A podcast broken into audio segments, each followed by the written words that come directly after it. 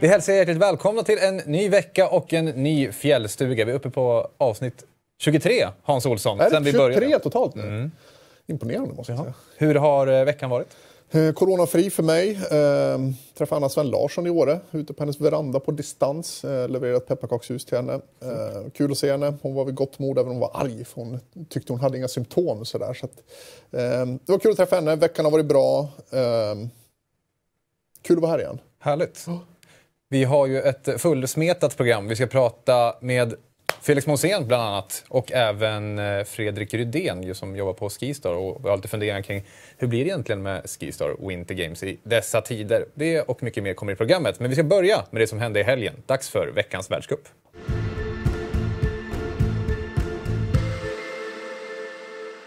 Veckans världscup tillsammans med Bauhaus. Och vi ska börja... Vi gillar ju snö generellt. Ja. Dock i rimliga mängder. För vi skulle ju... Vi var ju taggade för att se ett Super G-race. Dubbelt Ja, upp ja. i Sankt Moritz. Men eh, när eh, de säger så här att det är dags att bring the shovels. Ja, det var ju alltså så att eh, på grund av snömängden så fick de hänt... Det var inte covid, absolut inte snöbrist, utan det var alltså eh, lavinfara Ja. i hela Engadin mer eller mindre som sa nej, nej. Nej, alltså det här är ju... Jag som gammal tävlingsarrangör på alpina VM vet ju hur, vilket hemskt jobb det är. Men samtidigt så vet jag att det här är ju... Man har ju en världscup egentligen för att få reklam utåt sett i världen för sin skidort och allting. Och det här är ju det bästa som kan kablas ut för Sankt Moritz. Alltså att det är extremt snöfall, det kommer en meter snö. Det är ju det här som ger stora folkmassan kommer till Sankt Moritz. Liksom. Så att för dem som arrangörer är det ju bra, men för oss som tv-tittare är det så...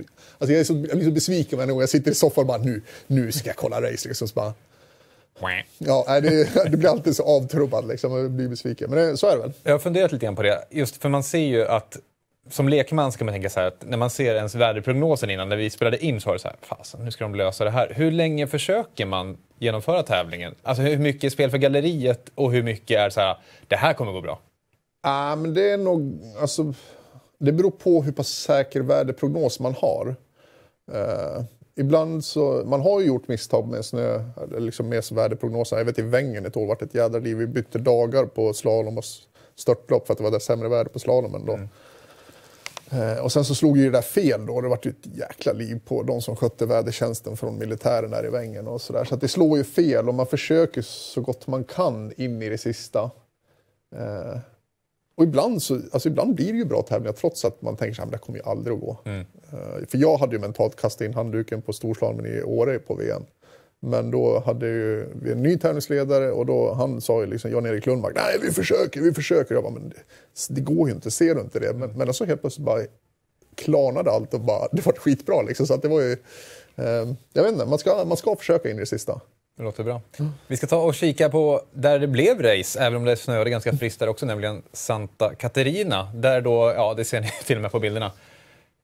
Subsic, högst upp igen. Ja, tuffa förhållanden så här tänker man så här, åh shit, ja, det blir inget bra race. Men det är alltid samma segare, alltså det blir alltid rättvisa race ändå. Den bästa vinner oavsett i stort sett vilka förhållanden det är. Liksom. Och sen backen, ja vi pratade lite om det innan, att det, det var inte så här som man fick gåshud. För det var ing, alltså, Hanget är inte super... Nej, det är inte hang. Liksom. Nej, det är inte Adelboden, det är inte Beaver Creek och sådär. Men eh, jag gillar att se racing, det var ju så otroligt tight. Och Storslagen är ju nu utan Marcel Hirscher i hög form då, så är den ju extremt tight och väldigt jämn, många länder emellan.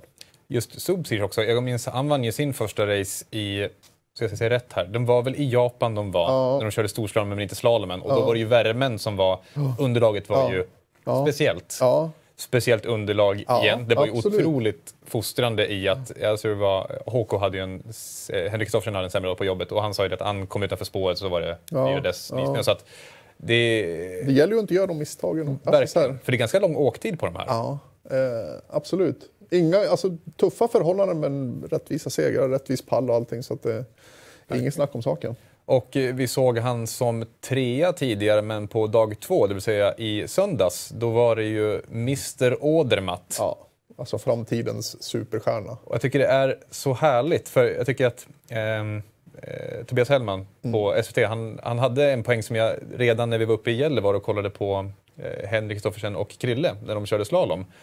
Och då var ju så här, dagens fokus och syfte med träningen var ju liksom så här, stabilitet, stabilitet, stabilitet. Och han pekade då framförallt på Panterå.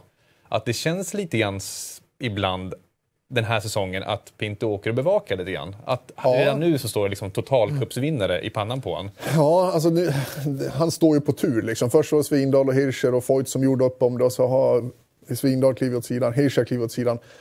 Rent liksom, vad säger man, tronarvingsmässigt så är det ju Panteros som har varit på många släppar. Men Han då skulle ju vinna redan i fjol. Absolut. Den här killen, Åderman, alltså han kommer kanske att göra livet surt för eh, Pantero, tror jag. För den här killen kan ju inte bara åka storstan, han är ju grym i Super-G och störtlopp också. Och det är ju någonstans så uppfriskande och framförallt i, som du sa, klart det är alltid kul att se racing. Men det var inte så jag trillade av stolen av, säga, undrar om de kommer köra ur. Det var så här, mycket klocka liksom.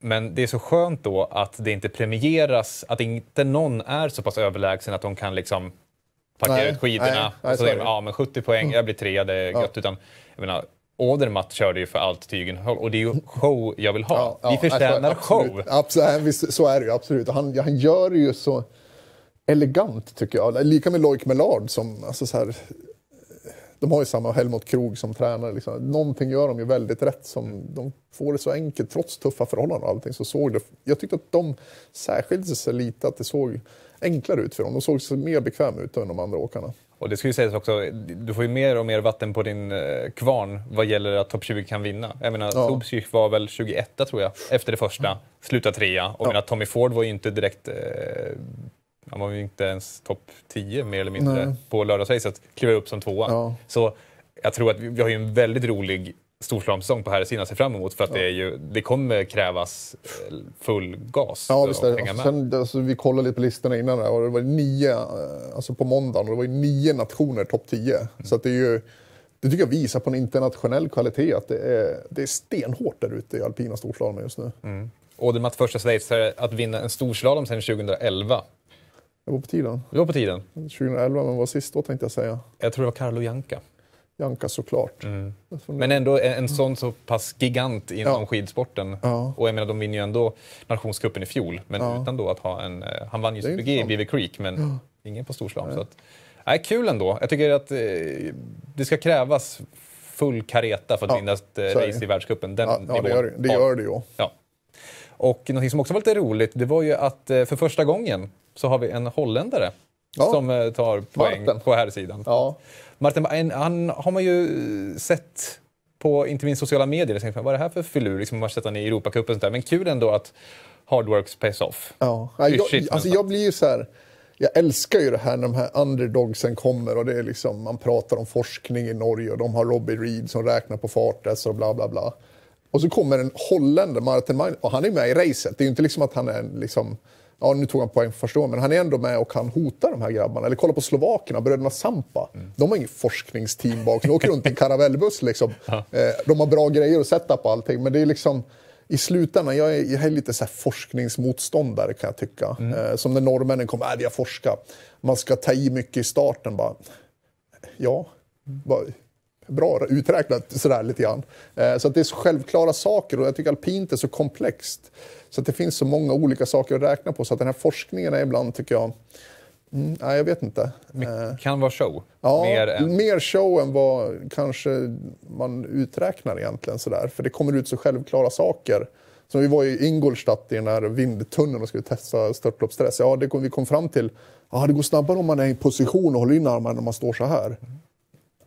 Yay. Ja, jo, det, det, det är klart, det borde ju vara så. Naturligtvis, är lite så. Eh, Men jag tycker att det är kul att de här mindre länderna kommer. Alltså vi ser även Vlova på tjejsidan, vi ser grabbarna Sampa från Slovakien. Eh, Man kan blanda sig i. Vi går tillbaka till VM i sladdning. Andreas Romar, Finland, har serviceman och tränare i samma team och en enmanskille som slår hela österrikiska nationallandslaget i störtlopp med Klaus Kröll liksom blir femma på det här racet. Och det är utan forskningsteam och grejer. Eh, Så att i slutändan handlar det hur fort vill jag åka, hur mycket är jag beredd att bara mata liksom. Och vi hade ju svenskt deltagande också, inga topplaceringar tyvärr, men det var ju Kristoffer Jakobsen och Mattias Rundgren då. Eh, hade ju såklart kämpigt eh, Ja. utifrån startnummer, det visste vi på förhand. Eh, men framförallt i måndagsracet så Rundgren slutade väl på plats 48 tror jag det är. Mm, 2.46 efter eller? Ja, Och och du kvalade på 1,85. Så vi kan väl någonstans visa, Claes, hur lång tid var han egentligen från att kvala? För jag tänker att det är ju, placeringen säger ju en sanning, men Ja. det är ju... Menar, hade han varit topp 30, ja men då hade det varit så här, wow! Ja, det blir, skada, det blir så liksom. hårt den här supersuccén mot... Det är kanske journalister, svensk media också, som gärna väljer succé eller fiasko. Mm. Man kan inte säga att men det, var, det var bra Mattias. Det gjorde dock Hellman, ska sägas. Ja. Han jag tycker ändå han analyserade bra. Ja. Eh, för att han kunde ändå liksom belysa i att så här, ja, men det här utifrån hans förutsättningar och som du var inne på förra veckan, det är inte mycket till försäsong han har haft med Nej. tanke på sin Nej. axel. Så jag menar, det här är ändå, klart att det är en placering vi hade velat se lägre, givetvis. Men någonstans så är det utifrån hans förutsättningar och vart han är rent nu, så är det ju ändå en okej insats. Ja, 2,46 på en och den Ja, sju ett vad var det? Ja. Det är bra. Ja, Eh, och sen då är någonstans, jag vet inte, nu borde vi nästan lära känna Krille så pass bra så att någonstans så börjar man också förstå hur hans hjärna funkar. Och hans resonemang som han haft i slalom har han ju även i storslalom. Så här, varför ska jag bli 46 Ja, Hans, för han har ju, det är ju, han har ju speeden, det är det som är hans vän. Mm. Och någonstans så måste han ju från startnummer 68 göra någonting i en bana som Ja. är sämre. ja. Det, absolut, Och- så är det ju.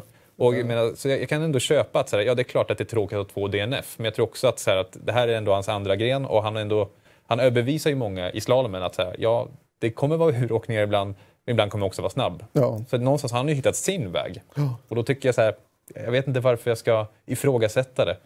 Nej, det har du faktiskt rätt alltså, så här, Som du säger, farten är hans vän. Mm. Eh, andra har stabiliteten som sin vän. Så om man ser på Odermatt just nu, han ser ut att ha allting då, men just nu har han det, och spel, det kortet att spela då. Ja. Eh, och han jobbar ju på stabiliteten, det vet vi. Ja, och någonstans, jag menar, Odermatt har fem JVM-medaljer. Eller Ja. fem JVM-guld. Krille har noll. Rönngren Ja. har noll. Ja. Många i resten av startfältet har noll. Ja. Alltså, som du var inne på innan, jag tror fan, hitta bröderna Sampa. Hitta sin väg någonstans. Och vi är klart, det kommer komma kritik. Det kommer det alltid göra. Jag gillar lite så här godfotsteorin som David Beckham hade i fotboll. Att, ja, han kanske inte var världens bästa fotbollsspelare, men han var grönjävlig på att slå frisparkar. Och då satsade han ännu mer på det, så han hade ett riktigt vapen att kunna avgöra matcher med. Och jag tycker att Alltså Krille, ska, han, han, han har ju det här vapnet att han kan vara snabbast i världen när han får ihop det. Den egenskapen får inte försvinna på bekostnad, på bekostnad av att han ska bli stabil. Han får försöka lägga till stabiliteten, men han får ju inte tappa sin extrema fart. Nej. För det är ju hans vapen om han nu till slut vill vinna tävlingar. Liksom. Och eh, precis efter vi hade egentligen publicerat förra veckans, eller spelat in förra veckans avsnitt så eh, kom ju nyheten att Anna Sven Larsson, som vi var inne på tidigare, att hon eh, testade positivt för covid-19. Ja. Och ja, vi hoppas ju att, hon har ju varit helt symptomfri, vilket är, håller tummarna för att det Ja. fortsätter så. Ja.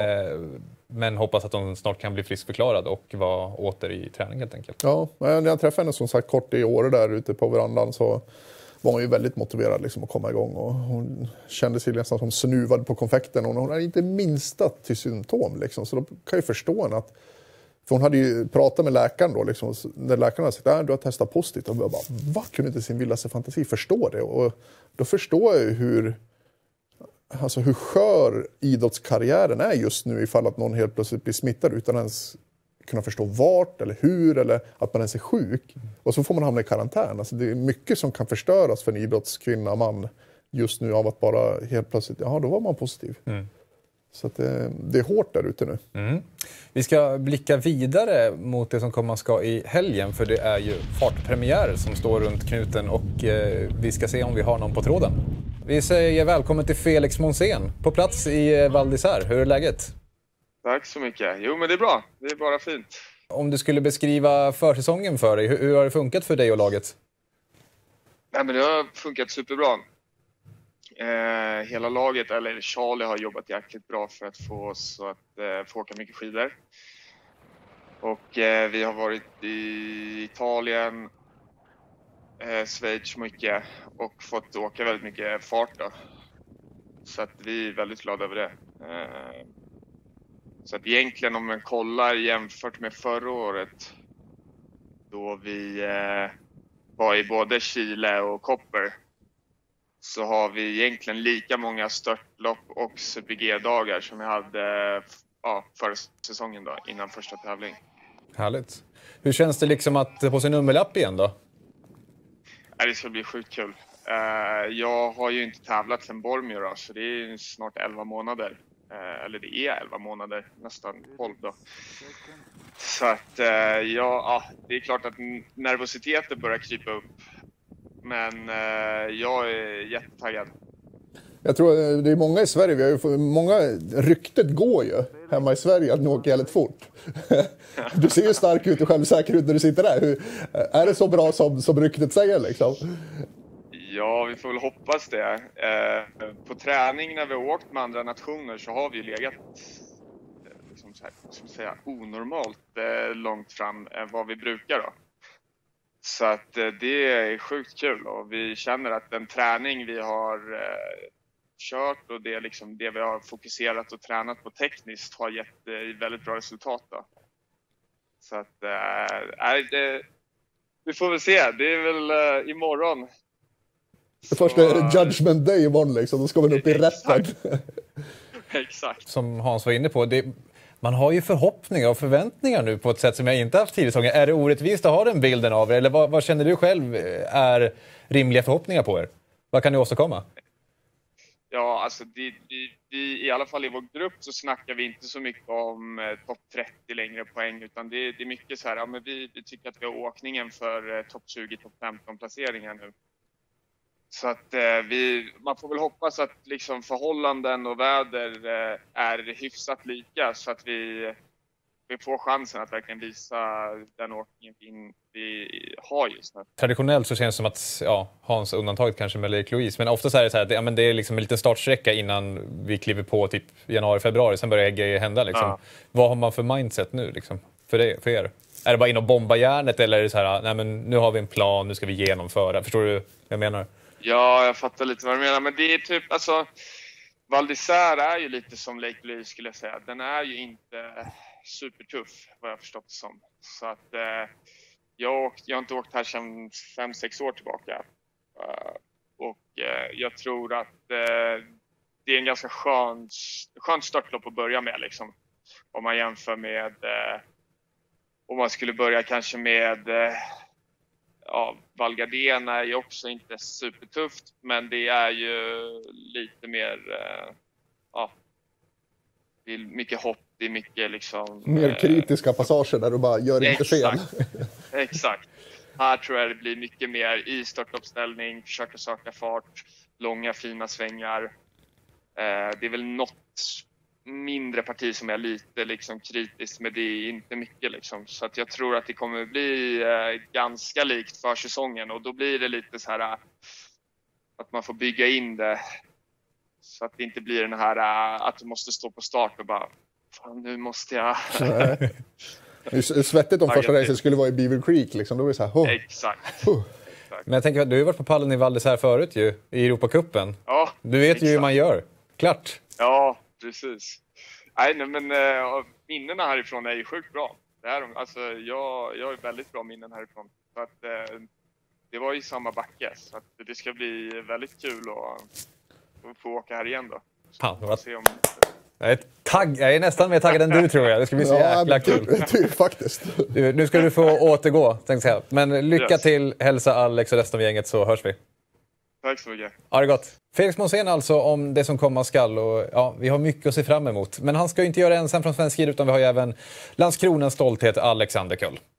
Vad, utifrån det Felix sa, kort bara, vad, vad tänker du kring deras säsongsöppning? Nej, men alltså det jag pratar med dem, jag har varit ganska mycket i kontakt med dem, alltså de pratar hela tiden om att det är vi, att det känns som de har tillsammans verkligen gadda ihop så att nu ska vi göra någonting bra. Det är alltid mycket lättare att komma till en tävling att det är vi, nu drar vi upp och kör. Man känner sig på något sätt starkare mentalt. Och jag tror att det, i störtlopp är en stor del av det, att just känna självsäkerhet när du kliver upp på start. Att, men att du har med dig tron på dig in i racen. Och, så och sen så har vi ju sett från bilder och allting att de åker ju bra skidor nu. Så det, det, är väldigt spännande att se hur långt det här räcker. Verkligen. Och det är på andra ställen i Frankrike det ska tävlas i helgen, nämligen i Courchevel.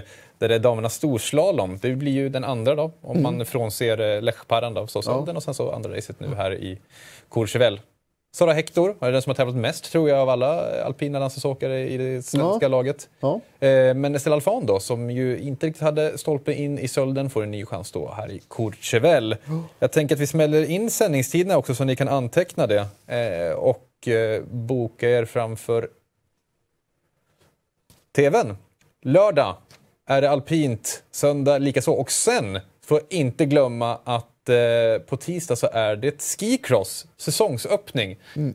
Utan eh, regerande totalcupsegrare Sandra Näslund, men ett starkt svenskt lag på eh, plats. Ja, så vi har ju sett dem också. Jag kollade på fystestarna i år där och de här är ju, alltså, de är ju redo för här. Alltså, så det blir mycket kul att kolla racet där. Vi ska kolla också vilka det är som ska göra det för svensk del i skicross-tävlingen. Så ska vi få en laguppställning. Utan undantaget Sandra då, så är det ju Elios Baralo, eh, Alexandra Edebo, jag blandar alltid ihop med syrran av någon märklig anledning. Viktor Andersson och David Moberg är de som ska göra det för svensk del. Så där håller vi tummarna för det. Ja. Härligt att den säsongen drar igång. Absolut. Och Viktor var ju tvåa där i fjol, så minst Ja. en andra plats ja, jag har tro på. Viktor. Jag gillar Viktor. Jag tror han är frisk fläkt. Jag tror på honom. Ja, passar även på att slänga iväg ett grattis till Ludvig Fjällström, puckelåkaren som tog eh, karriärens andra pallplats i puckelprisvärldscupen när de tävlade i Ruka. Så stort grattis till dig. Vi ska kika på Fizz Predictor Challenge som tuffar vidare och vi ska väl börja med att kolla på stagen hoppas jag. När det var Uffe som var bäst av alla med 334 poäng. Ingen Hans, ingen Erik Nej, där. men jag funderar på det, för det vart ju flyttade tävlingar i helgen. Mm. Flyttar de även... För Sankt Moritz vart inställt. Flyttar de på storslalomen? För den missar jag på måndagen, bara så ni vet. Så det är därför inte jag är med. Ja, för de tog med allting. Allting som de tippat tog de med bara vidare. Så set, eller Sundays Ja, race. men jag har, det ville jag göra på morgonen innan. Liksom. Sen när det var cancel, då gjorde jag det inte. Sen glömde jag bort. Liksom. Vill Mm. ha sista updaten innan man sett det. Gjorde inte Uffe. Vi ska kolla på totalställningen också. Björs är den som nu håller i, och det som är kul att Jesper Brändholm som tidigare var Jesper B, han har gått upp, ut i offentligheten så nu vet vi att Jesper Brändholm, han eh, ligger där och nafsar på en respektabel andra plats. Och nästa vecka har vi även pris till stagevinnaren. Det är winnaren. Tja, jag pratar svengelska. Det är mössan. Nästa veckas vinnare på stagen får en mössa hem i posten. Och snart så kommer det komma priser varje vecka, så missa inte det. Vill ni vara med i ligan och vara med och tävla de här fina grejerna och eh, er kunskap inom, eller ja, kunsk, kunskap, och, kunskap, ja. kunskap i det alpina ämnet, då ska ni gå med i våran Fjällstugan-liga som ni hittar här. Ange BPUP så är ni med och tävlar. Det var det från veckans världscup. Vi ska gå vidare till Svenskkollen.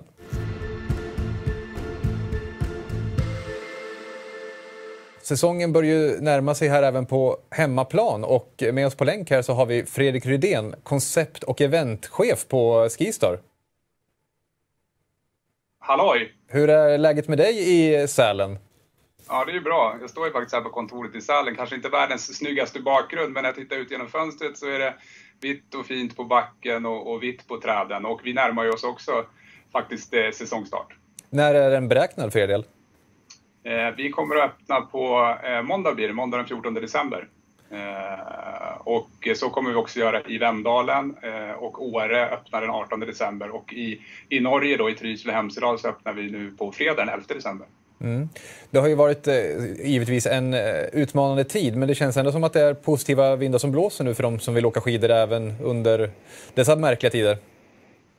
Ja, men det måste man ju säga. Det kom ett positivt besked igår från, från myndigheterna eh, utifrån att man kan eh, resa då smittsäkert till, eh, till fjällorterna och, och, och det är väldigt roligt för oss också. Och sen så tror jag också eh, att det finns eh, ett stort egenansvar nu för varje individ, individ att man följer de här eh, råden och restriktionerna.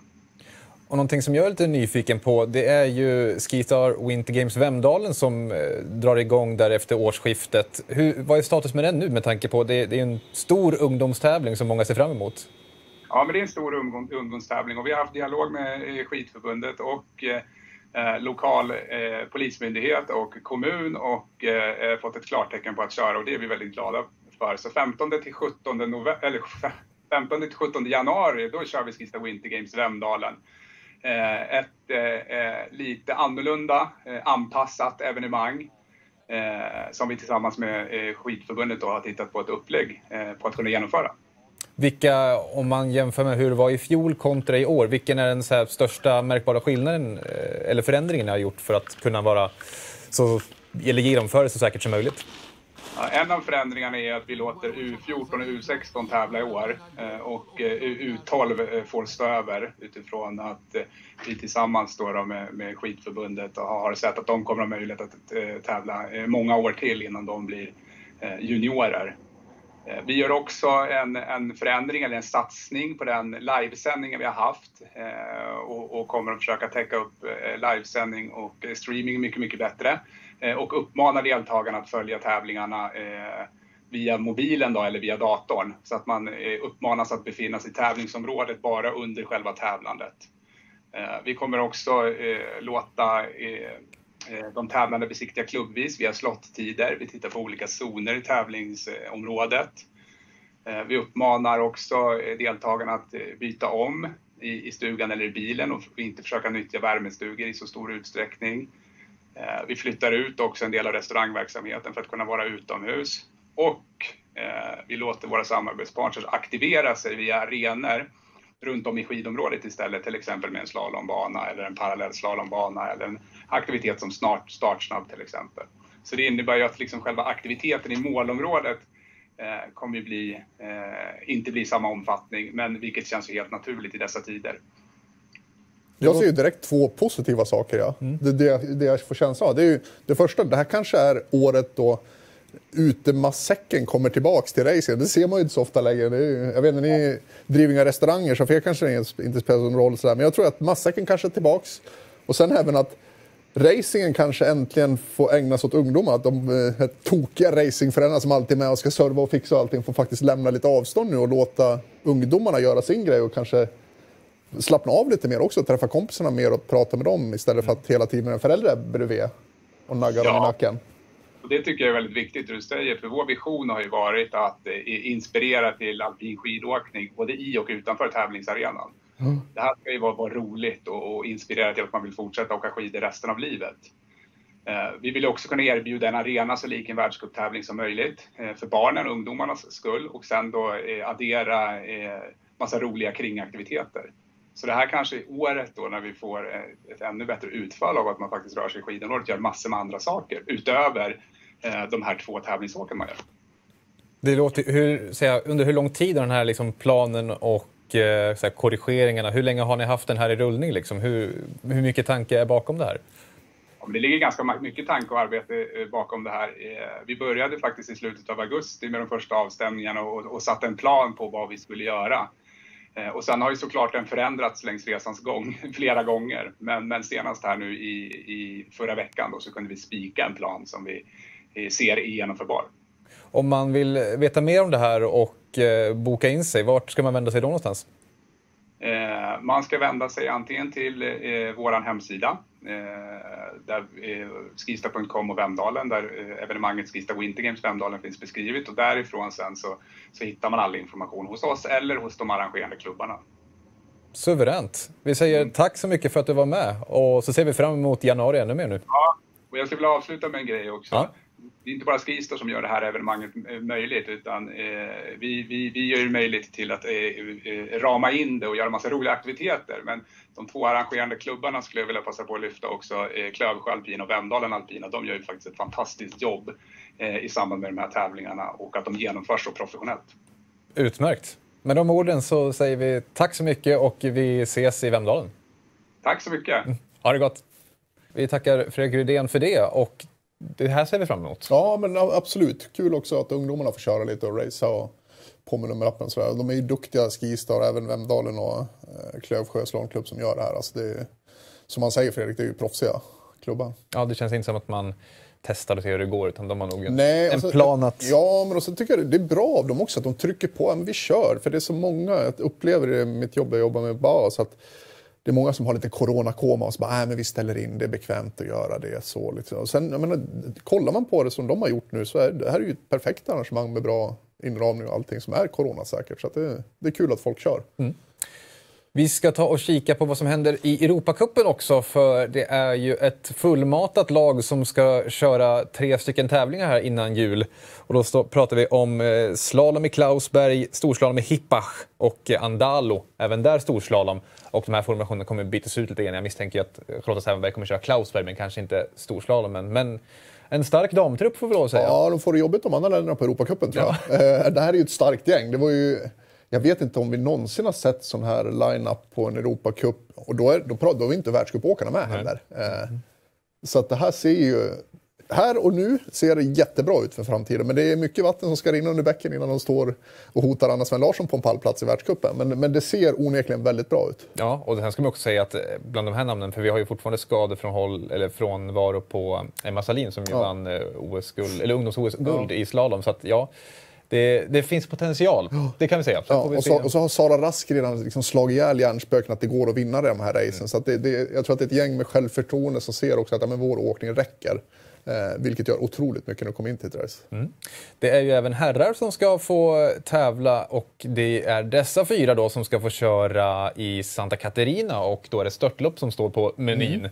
Johan Hagberg har ju dragit igång säsongen här efter sin eh, frånvaro med korsbandsskada. Olle Sundin, Filip Steinvall från Team Bauhaus och Zac Monseni från Team Klarna. Ja, men de kommer att få göra i Santa Catarina beroende på hur de preparerar. Eh, de har ju kört storslalomen där nu. Det ska bli kul att se om de river upp vattenbalken, hur de gör. Och de störtloppen jag har kört i Santa Catarina, världscupen i december, det är mörkt, dålig sikt. Preparerar de med vatten där, då är det rajtan tajtan kan jag lova. Eh, Kör de som lite längre ner, vi körde en Europacupavslutning där i slutet på säsongen, då var det lite bättre ljus, men det är det ju inte nu. Men då, då är det en ganska snällt störtlopp. Eh, så det beror på lite grann hur de preppar det här, hur, hur det kommer att sluta för Europacupåkarna. Men jag hoppas att de är redo för det. Ja, på lördag och söndag får vi se. Det kommer ju inte sändas på tv mig veterligen, men vi får hålla koll på Fiski.